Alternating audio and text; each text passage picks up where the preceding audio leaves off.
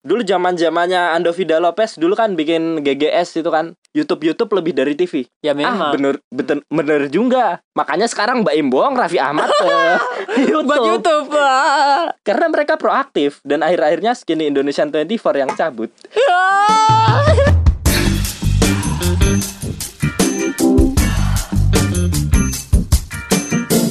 Prambors Podcast Star bareng podcast Hibrida.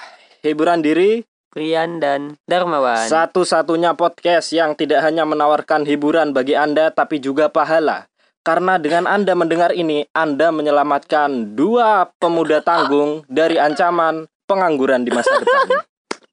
Mantap. Mantap sekali. Kita langsung aja ke pembahasan kita ya mungkin kita memang to the point aja karena biar padet gitu. Iya. Biar padet. Biar padat. Nah, ini adalah kita akan memberi kisi-kisi mungkin ya masa-masa remaja gitu, masa-masa paling labil gitu ya. Kita banyak diterpa omongan sana sini, omongan sana sini dan kita mau bagi ke kalian dan ini juga sebagai pengingat gitu. Kalau ada cara-cara untuk kita bisa menyelamatkan diri dari omongan-omongan orang yang kadang-kadang sadis Sadis. dan kadang-kadang ya ada labeling juga yang buat kita kurang motivasi. Nah, semoga ini bisa membantu. Nah, salah satu obrolan kita, gimana cara kita agar tidak gampang kemasuk masuk di hati gitu omongannya orang itu adalah dengan Bercandain. dengan bercandain satu dan keduanya dengan apa ya? Kita mencoba memahami mereka dengan cara kita berkaca kepada diri kita sendiri. Nah, saya pertanyaanku berkaca kepada diri sendiri, apakah kita suka ngomongin juga? Suka kan? Iya memang. Nah, menurutmu kenapa kita suka ngomongin orang gitu? Gimana? Kalau kalau saya yo, kenapa em, kita suka ngomongin orang lain tuh yo? Itu ada faktor dari bawaan eh, nenek moyang. Ah, kenapa? Jadi eh, kalau pernah kalau baca buku Sapiens itu, Eh, Nah, di situ dibilangin kita tuh suka bergosip, kita suka ngomongin orang lain tuh supaya kita bisa memilih mana yang bisa kita teman, mana yang tidak eh mana yang bisa kita percaya, mana yang tidak bisa kita percaya. Nah, misalnya itu kalau zaman dahulu itu kayak kayak misalnya faktor itu tuh penting sekali. Soalnya dalam kawanan tuh ada beberapa orang yang biasanya ingin membentuk kawanan baru gitu loh. Untuk mengkhianati si pemimpin ini. hmm, Nah, makanya itu orang-orang kayak pada zaman dulu itu bergosip. bangun-bangun rumor lah Iya. buat nurunin ini. Nah, makanya itu itulah gunanya itunya itu bawaan dari nenek moyang Ah, ah, menurut memang saya. human behavior. Nah, mumpung ada orang yang baru baca buku sains itu itu sangat saintifik sekali. Nah, kalau aku menurutku ya memang Iya, gitu, gimana? memang Iya. karena saya juga melakukan ini, coy. Saya kalau ngelihat orang yang mimpinya besar itu saya pasti kayak ngeremehin, ngeremehin.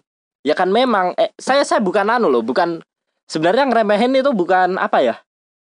Bukan karena saya ah ini orang pasti nggak bisa. Hmm. Justru saya takut kalau dia bisa, Bisa. coy. malah kamu direndahin. Malah ada bahan untuk ibuku membanding-bandingkan gitu.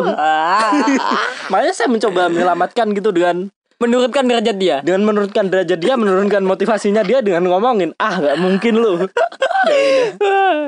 Nah itu memang insight baru juga. Hmm. Saya juga biasa nanyain kenapa sih saya suka ngomongin orang, kenapa sih saya suka anu orang biar motivasinya turun, biar saya nggak ada pesaingnya.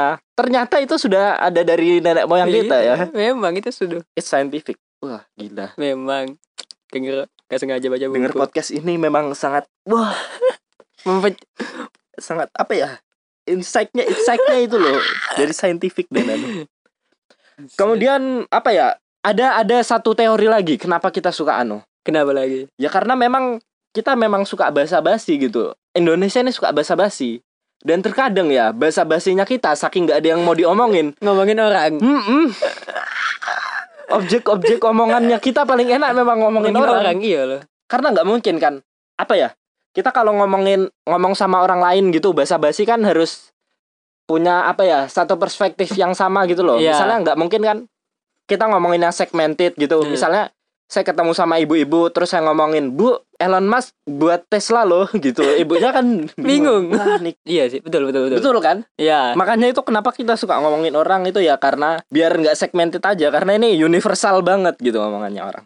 Nah, terus Al ngomong-ngomong ngomongin orang ini ya, dua kubu gitu loh. Biasa Hmm. ada yang namanya judgement dan ada namanya kritik. Iya. Kritiknya itu membangun. Nah, biasa kalau orang-orang terlalu ngomong judgement kan orang bilang anu toh, nggak usah dengerin apa kata orang lain, nggak usah apa Iya. dengerin kata orang lain. Nah, kalau kritik ini beda, kita harus dengerin juga gitu loh. Karena kita tahu buruk-buruknya kita gitu dari orang lain. Lain, betul. Kayak kemarin aja saya ngomong ngomong sama kamu kan, Eh, kemarin bikin apa cover podcast nggak Iya. selesai selesai saya sengaja ingin menyakiti hatimu gitu kadang-kadang orang harus dikritik secara keras Nah, gitu loh ya biar, betul. biar biar motivasinya terbangun gitu loh Soalnya ada orang-orang kayak mentalnya kayak kurang kuat gitu loh. Hmm. Nah, itu kayak cuma kritikan dikritik sedikit mereka nganggap ah kamu nih se, se mengen- eh, kayak iya. Iya, kalau saya memang kalau soal kritik saya juga membela diri cukup cukup reaktif. Untuk nggak positif. Wow. Cukup reaktif gitu. Nah ngomong-ngomong reaktif ini ada dua cara sebenarnya untuk Iya. menghadapi ngomongan orang kita bisa ngambil sisi reaktif kita bisa yang bisa ngambil ngambil ah, ngambil lagi. Bisa ngambil sisi yang proaktif. Iya. Aku jelasin dulu ya. Yang proaktif coba. Kalau reaktif dulu reaktif Oke, dulu oke. yang jelek. Reaktif ini kita reaksi langsung bereaksi gitu dengan Hmm. emosi dengan apa itu bisa-bisa outputnya itu nggak bagus. Soalnya bayangin aja dulu yo. Dulu zaman zamannya Ando Vida Lopez dulu kan bikin GGS itu kan. Gila-gila stres. YouTube YouTube Oh, saya kira gila-gila stres ganteng swag bro saya kira gila-gila stres tapi keren banget dulu kan di GGS itu ada YouTube YouTube lebih dari TV boom iya Nah, kalau orang-orang TV ini reaktif, mereka akan langsung bereaksi gitu, Iya. langsung emosi. Anjir Hmm. ini orang-orang ngomong-ngomongin anu, TV. ngomongin ngerendah-ngerendahin TV kan. Hmm. Nah, itu nggak akan bawa dia ke mana-mana gitu loh. Makanya dia ngambil sisi yang proaktif. Proaktif ini artinya berpikir logis. Mereka berpikir logis gitu loh. YouTube YouTube lebih dari TV. ya Ah, memang bener, bener, bener juga. Makanya sekarang Mbak Imbong, Raffi Ahmad ke YouTube. buat YouTube ah. Karena mereka proaktif dan akhir-akhirnya skinny Indonesian 24 yang cabut. Nah itu, ini itu kita bisa lihat gitu loh. Sebenarnya kalau kita ngambil sisi reaktif itu, kita langsung tersinggung aja Hmm. tanpa ngambil sisi Si- positifnya dari omongannya orang itu, kita bisa-bisa tenggelam sendiri, bro. Itu kayak sama saja kayak saya yang itu ya suka ngerendahin orang Yang yang punya mimpi besar, hmm. Nah kalau dia milih sisi reaktif, saya menang. Karena kalau mereka reaktif, mereka emosian, itu tujuannya mereka sudah kabur, coy. Iya. Eh, Gimana Al? Be- Bener apa tidak kalau omongan kalau omongan orang gitu kan bisa memengaruhi diri kita gitu?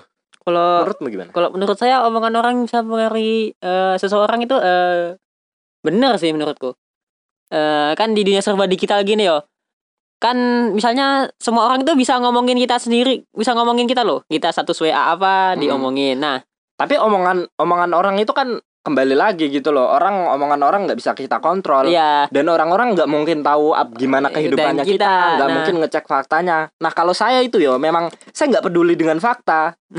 Yang penting asik untuk diomongin bro.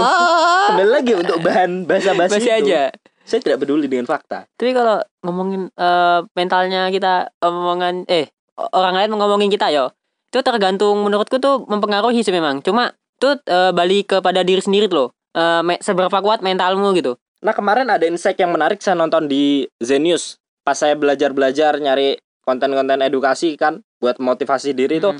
itu ada caranya proaktif yang agak lucu gitu. Ada strategi yang agak lucu al. gimana gimana jelasin Dia kan banyak orang ngomongin ke kita gitu yo. Iya Kita bisa ngelawan balik dengan cara apa coba? ngomongin dia Ngomongin diri sendiri di cermin. oh Kayak misalnya kan diomong orang goblok, goblok, males gitu. Kan biasa kita kalau diomong gitu kita mengiyakan kan. Ah, aku memang males gitu. Langsung Iya. tidur tidur tidur. Nah, itu caranya gini. Kamu ngomong ke cermin baru kamu yakinin dirimu. Kamu rajin kok. Kamu rajin kok. Kamu rajin kok. Katanya mentornya gitu. Memang kelihatannya kayak orang gila, Iya. tapi buat sebagian orang ini works. Untuk melawan omongan orang lain yang negatif, kita harus ngelawan dengan Positif. omongan positif karena tidak ada yang ngomongin positif tentang dirinya kita ngomongin diri sendiri ngomongin diri sendiri. ya pokoknya sebarin episode ini ke teman-teman kalian. Kalau episode ini kalian kira bermanfaat, kalian bisa share ke story IG, story WhatsApp dan lain-lain. Walaupun Anda kurang terhibur, setidaknya Anda mendapat pahala karena telah membantu dua orang pemuda ini selamat dari pengangguran Pengangguran. di masa depan.